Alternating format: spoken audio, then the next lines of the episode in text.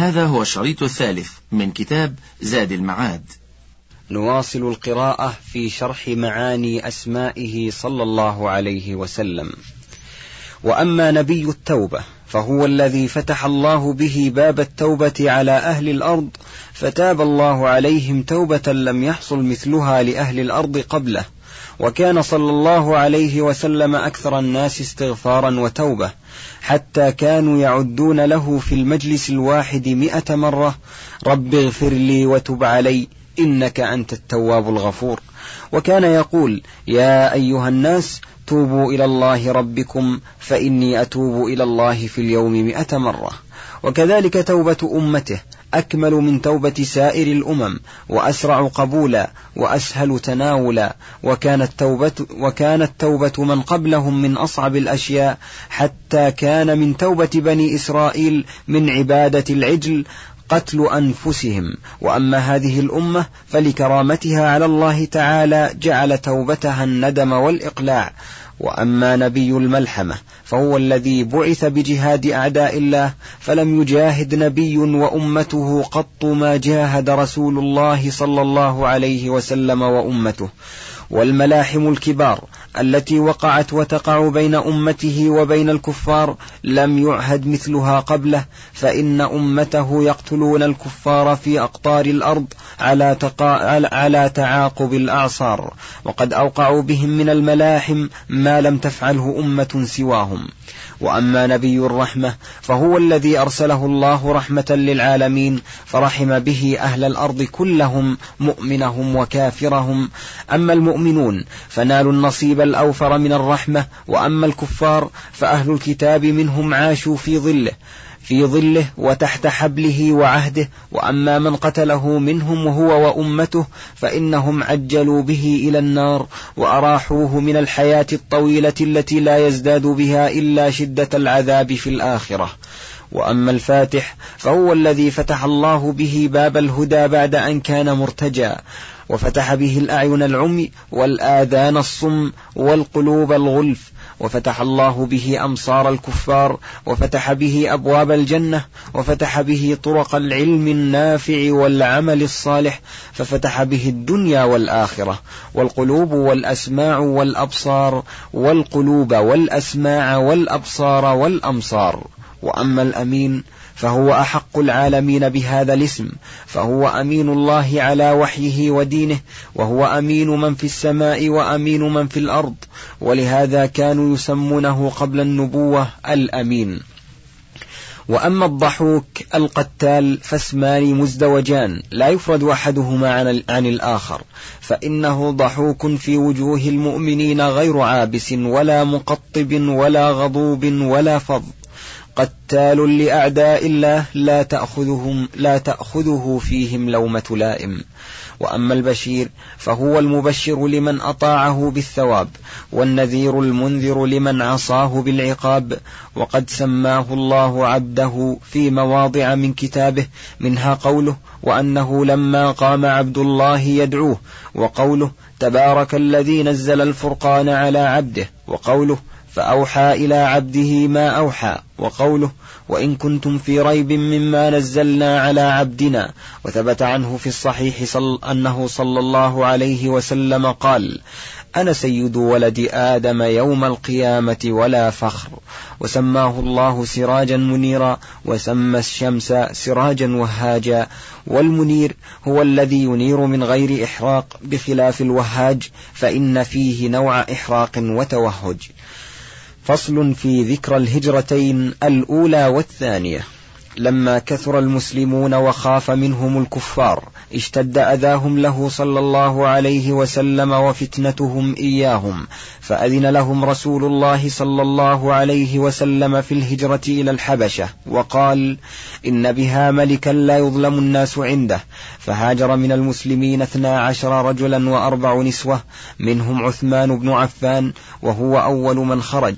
ومعه زوجته رقية بنت رسول الله صلى الله عليه وسلم فأقاموا في الحبشة في أحسن جوار فبلغهم أن قريشا أسلمت وكان هذا الخبر كذبا فرجعوا إلى مكة فلما بلغهم أن الأمر أشد مما كان رجع منهم من رجع ودخل جماعة فلقوا من قريش أذى شديدا وكان ممن دخل عبد الله بن مسعود ثم أذن لهم في الهجرة ثانيا إلى الحبشة. فهاجر من الرجال ثلاثة وثمانون رجلا إن كان فيهم عمار فإنه يشك فيه. ومن, ومن النساء ثمان عشرة امرأة فأقاموا عند النجاشي على أحسن حال فبلغ ذلك قريشا فأرسلوا عمرو بن العاص وعبد الله بن أبي ربيعة في جماعة ليكيدوهم عند النجاشي فرد الله كيدهم في نحورهم فاشتد أذاهم لرسول الله صلى الله عليه وسلم فحصروه وأهل بيته في الشعب. شعب أبي طالب ثلاث سنين وقيل سنتين وخرج من الحصر وله تسع وأربعون سنة وقيل ثمان وأربعون سنة وبعد ذلك بأشهر مات عمه أبو طالب وله سبع وثمانون سنة وفي الشعب ولد عبد الله بن عباس. فنال الكفار منه أذى شديدا ثم ماتت خديجة بعد ذلك بيسير.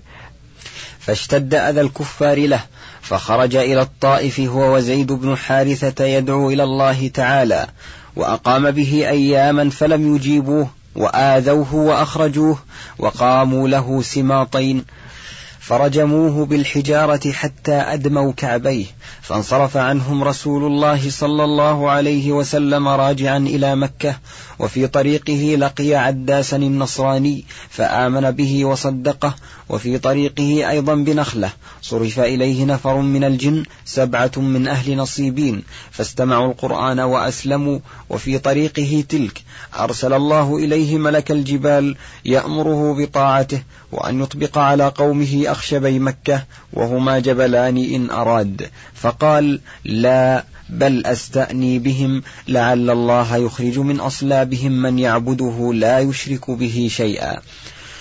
وفي طريقه دعا بذلك الدعاء المشهور اللهم إليك أشكو ضعف قوتي وقلة حيلتي الحديث.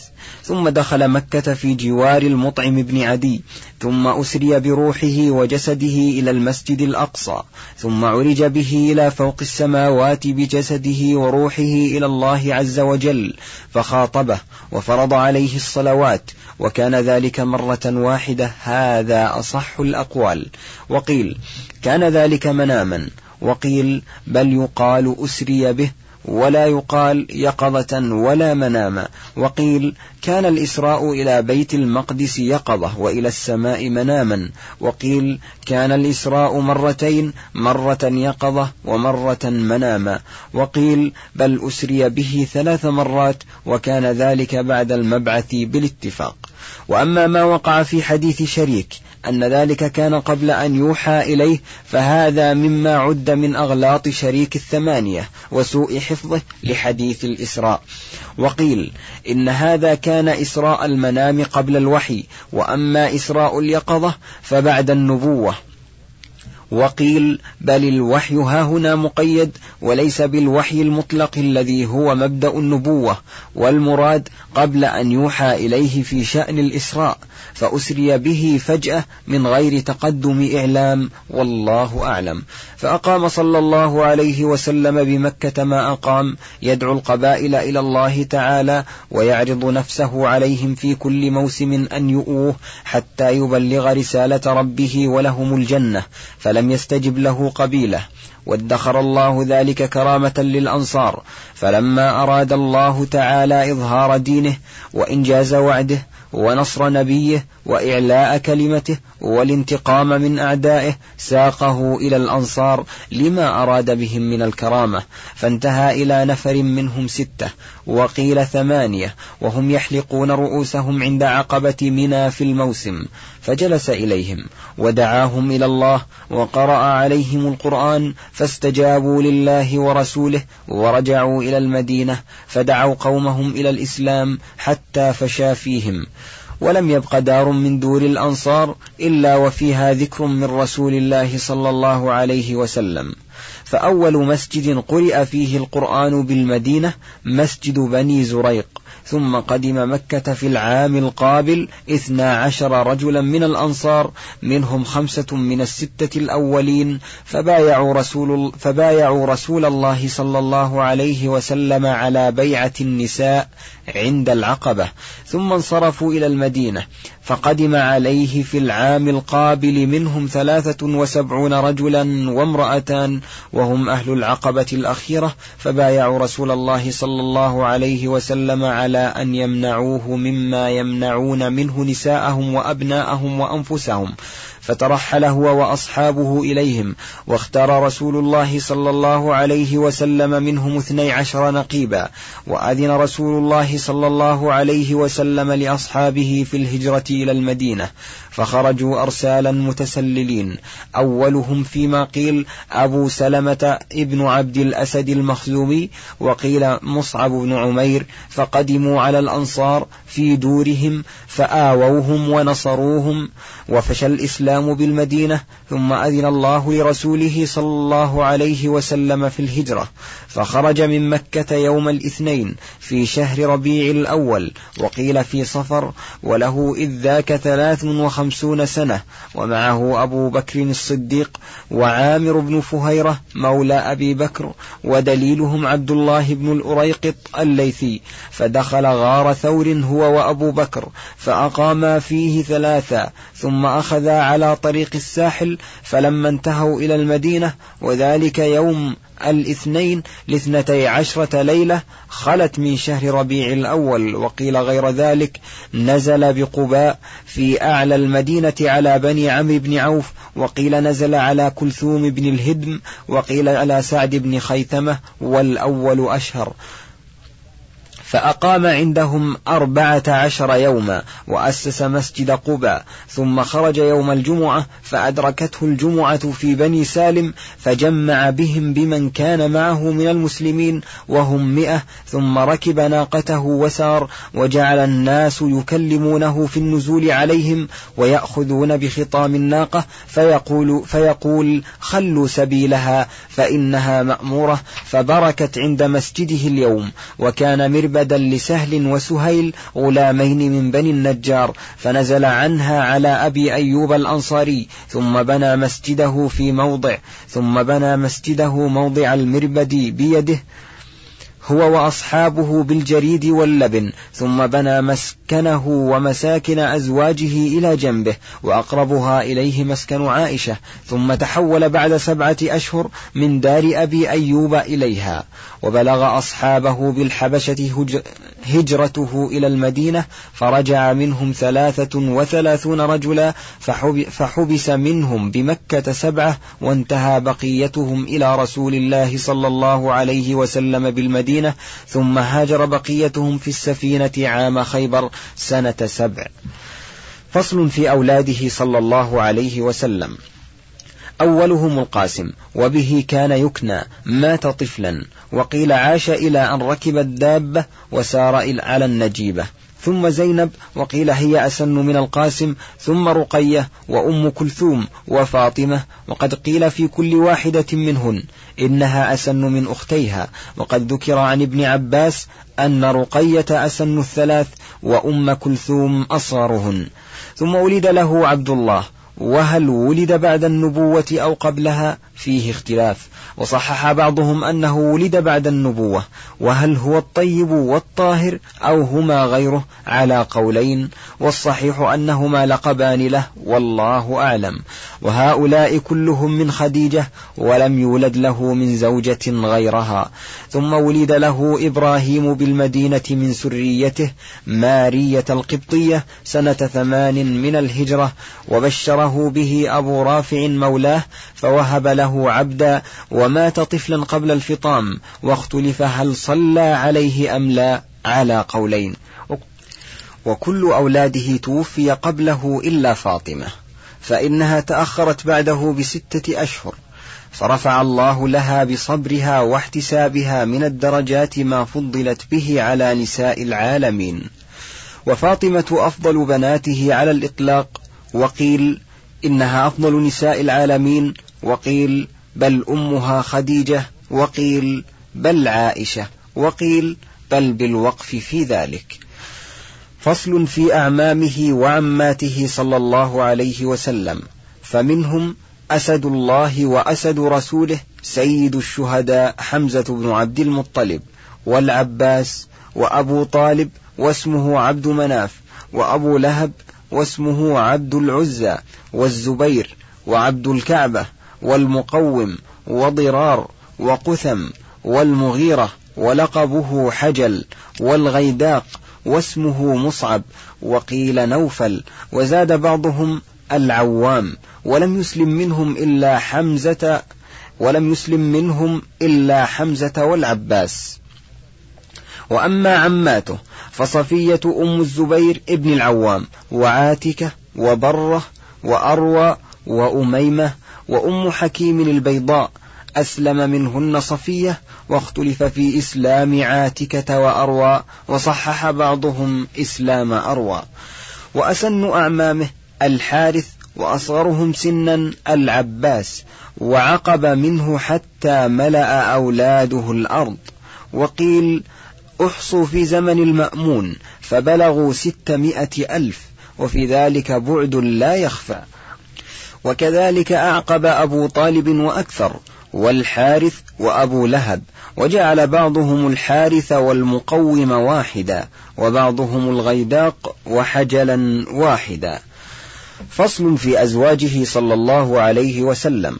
أولاهن خديجة بنت خويلد القرشية الأسدية تزوجها قبل النبوة ولها أربعون سنة ولم يتزوج عليها حتى ماتت وأولاده كلهم منها إلا إبراهيم وهي التي آزرته على النبوة وجاهدت معه وواسته بنفسها ومالها وأرسل الله إليها السلام مع جبريل وهذه خاصة لا تعرف لامرأة سواها. وماتت قبل الهجرة بثلاث سنين. ثم تزوج بعد موتها بأيام سودة بنت زمعة القرشية وهي التي وهبت يومها لعائشة. ثم تزوج بعدها أم عبد الله عائشة الصديقة بنت الصديق المبرأة من فوق سبع سماوات حبيبة رسول الله صلى الله عليه وسلم عائشة بنت أبي بكر الصديق وعرضها عليه الملك قبل نكاحها في سرقة من حرير وقال هذه زوجتك. تزوج بها في شوال وعمرها ست سنين وبنى بها في شوال في السنة الأولى من الهجرة وعمرها تسع سنين ولم يتزوج بكرا غيرها وما نزل عليه الوحي في لحاف امرأة غيرها وكانت أحب الخلق إليه ونزل عذرها من السماء واتفقت الأمة على كف قاذفها وهي أفقه نسائه وأعلمهن بل أفقه نساء الأمة وأعلمهن على الإطلاق وكان الأكابر من أصحاب النبي صلى الله عليه وسلم يرجعون إلى قولها ويستفتونها. وقيل إنها أسقطت من النبي صلى الله عليه وسلم سقطا ولم يثبت. ثم تزوج حفصة بنت عمر بن الخطاب رضي الله عنه وذكر أبو داود أنه طلقها ثم راجعها. ثم تزوج زينب بنت خزيمة ابن الحارث القيسية من بني هلال بن عامر وتوفيت عنده بعد ضمه لها بشهرين. ثم تزوج أم سلمة هند بنت أبي أمية القرشية المخزومية واسم أبي أمية حذيفة بن المغيرة وهي آخر نسائه موتا. وقيل آخرهن موتا صفية واختلف في من ولي تزويجها منه. فقال ابن سعد في الطبقات ولي تزويجها منه سلمة بن أبي سلمة دون غيره من أهل بيتها. ولما زوج النبي صلى الله عليه وسلم سلمة بن أبي سلمة أمامة بنت حمزة التي اختصم فيها علي وجعفر وزيد قال هل جزيت سلمة؟ يقول ذلك لأن سلمة هو الذي تولى تزويجه دون غيره من أهلها. ذكر هذا ذكر هذا في ترجمة سلمة. ثم ذكر في ترجمة أم سلمة عن الواقدي حدثني مجمع ابن يعقوب عن أبي بكر بن محمد بن عمر بن أبي سلمة عن أبيه أن رسول الله صلى الله عليه وسلم خطب أم سلمة إلى ابنها عمر ابن أبي سلمة فزوجها رسول الله صلى الله عليه وسلم وهو يومئذ غلام صغير. وقال الإمام أحمد في المسند حدثنا عفان حدثنا حماد بن أبي سلمة حدثنا ثابت قال حدثني ابن عمر ابن أبي سلمة حدثني ابن عمر ابن أبي سلمة عن أبيه عن أم سلمة أنها لما انقضت عدتها من أبي سلمة بعث إليها رسول الله صلى الله عليه وسلم فقالت مرحبا برسول الله صلى الله عليه وسلم إني امرأة غير وإني مصبية وليس أحد من أوليائي حاضرا. الحديث. وفيه فقالت لابنها عمر قم فزوج رسول الله صلى الله عليه وسلم فزوجه. وفي هذا نظر فإن عمر فإن عمر هذا كان سنه لما توفي رسول الله صلى الله عليه وسلم تسع سنين.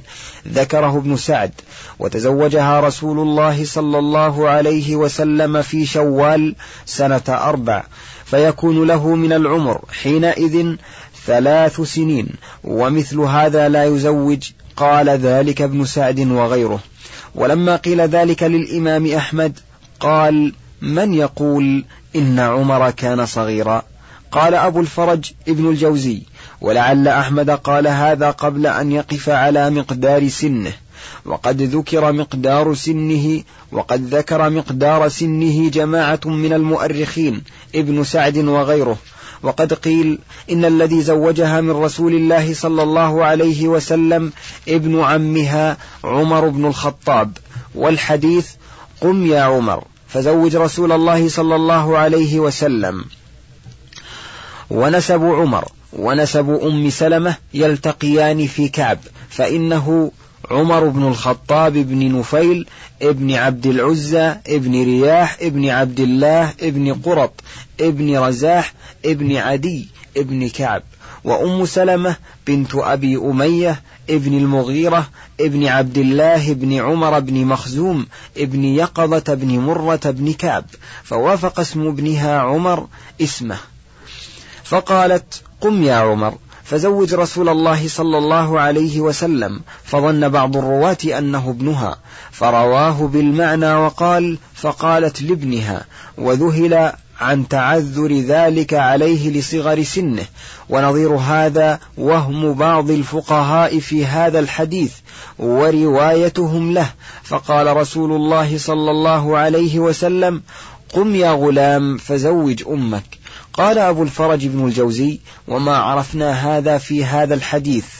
قال وإن ثبت فيحتمل أن يكون قاله على وجه المداعبة للصغير إذ كان له من العمر يومئذ ثلاث سنين لأن رسول الله صلى الله عليه وسلم تزوجها في سنة أربع. ومات ولعمر تسع سنين ورسول الله صلى الله عليه وسلم لا يفتقر نكاحه إلى ولي. وقال ابن عقيل ظاهر كلام أحمد أن النبي صلى الله عليه وسلم لا يشترط في نكاحه الولي وأن ذلك من خصائصه. ثم تزوج زينب بنت جحش من بني أسد بن خزيمة وهي ابنة عمته أميمة.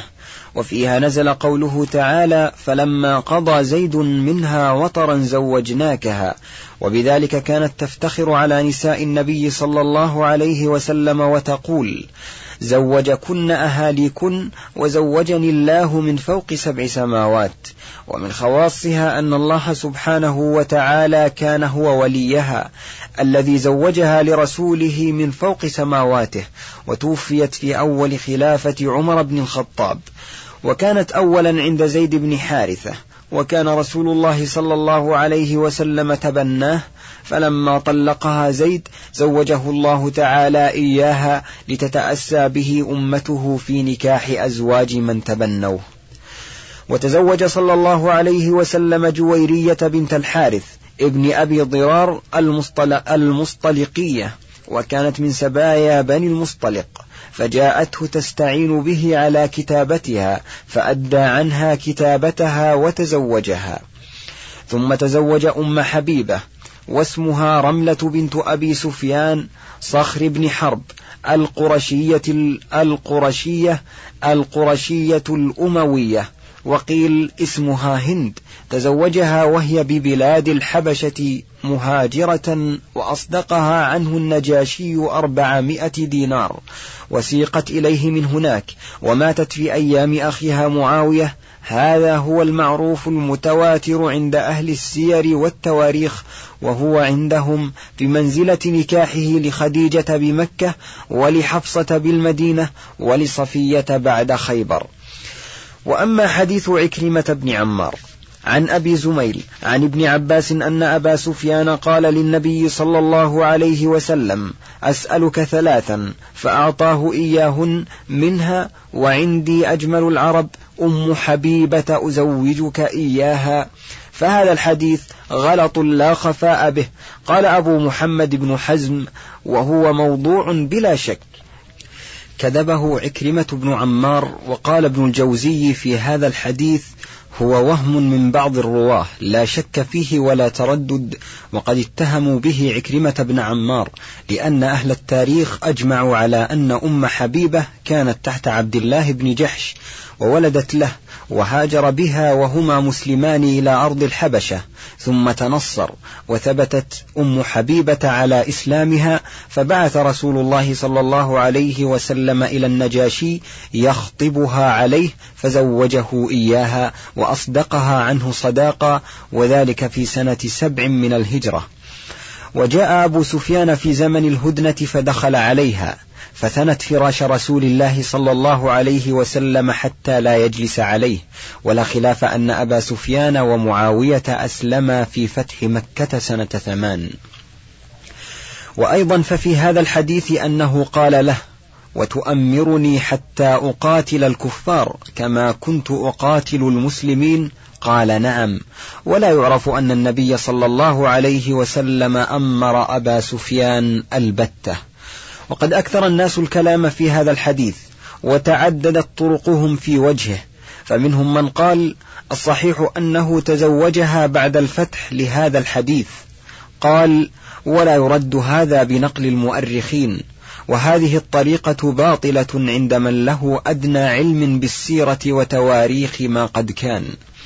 وقال الطائفة بل سأله أن يجدد له العقد تطيبا لقلبه فإنه كان قد تزوجها بغير اختياره وهذا باطل لا يظن بالنبي صلى الله عليه وسلم ولا يليق بعقل أبي سفيان ولم يكن من ذلك شيء. وقالت طائفة منهم البيهقي والمنذري يحتمل أن تكون هذه المسألة من أبي سفيان وقعت في بعض خرجاته إلى المدينة وهو كافر حين سمع نعي زوج أم حبيبة بالحبشة. فلما ورد على هؤلاء ما لا حيلة لهم في دفعه من سؤاله أن يؤمره على حتى يقاتل الكفار وأن يتخذ ابنه كاتبا قالوا لعل هاتين المسألتين وقعتا منه بعد الفتح. فجمع الراوي ذلك كله في حديث واحد والتعسف والتكلف الشديد الذي في هذا الكلام يغني عن رده. وقال الطائفة للحديث محمل آخر صحيح وهو أن يكون المعنى أرضى أن تكون زوجتك الآن فإني قبل لم أكن راضيا والآن فإني قد رضيت فأسألك أن تكون زوجتك وهذا وأمثاله لو, لو لم يكن قد سودت به الأوراق وصنفت فيه الكتب وحمله الناس لكان الأولى بنا الرغبة عنه لضيق الزمان عن كتابته وسماعه والاشتغال به فإنه من ربد الصدور لا من زبدها. وقالت طائفة لما سمع أبو سفيان أن رسول الله صلى الله عليه وسلم طلق نساءه لما آلى منهن أقبل إلى المدينة وقال للنبي صلى الله عليه وسلم ما قال؟ ظنا منه أنه قد طلقها في من طلق وهذا من جنس ما قبله.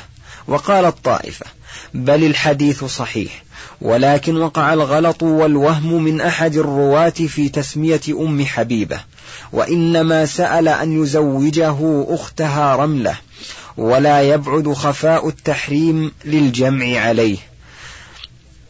فقد خفي ذلك على ابنته وهي أفقه منه وأعلم حين قالت لرسول الله صلى الله عليه وسلم هل لك في أختي بنت أبي سفيان؟ فقال أفعل ماذا؟ قالت تنكحها قال أو تحبين ذلك؟ قالت لست لك بمخلية وأحب من شركني في الخير أختي. قال فإنها لا تحل لي. فهذه هي التي عرضها أبو سفيان على النبي صلى الله عليه وسلم. فسماها الراوي من عنده أم حبيبة. وقيل بل كانت كنيتها أيضا أم حبيبة. انتهى الوجه الأول.